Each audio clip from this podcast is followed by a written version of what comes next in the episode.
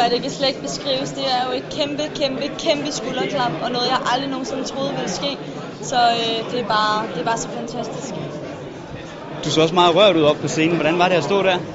Jamen, det var jo helt utroligt. Jeg havde jo egentlig fået det at vide nogle uger før, så jeg var faktisk overrasket over, hvordan det egentlig kom bag på mig, at, at nu blev det egentlig endelig offentliggjort. Øh, det, var, det var en smuk følelse.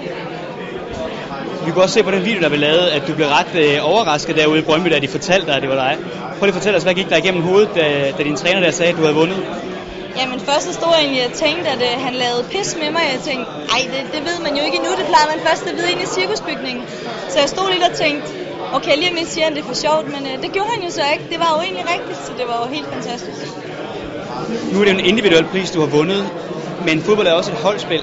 Kan du prøve at fortælle os, hvem i din karriere har betydet allermest for, at du står, hvor du gør i dag?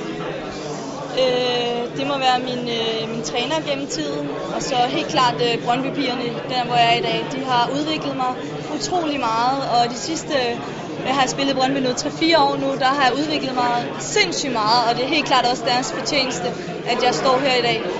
Hvis du sætter en enkelt person på, det kan være en træner eller en gammel holdkammerat eller et familiemedlem, der betyder noget for det. Hvem er det så? Det må være min far. Han har altid øh, stået der troet på mig, når det var, jeg måske mindst selv troede på, at det kunne lade sig gøre.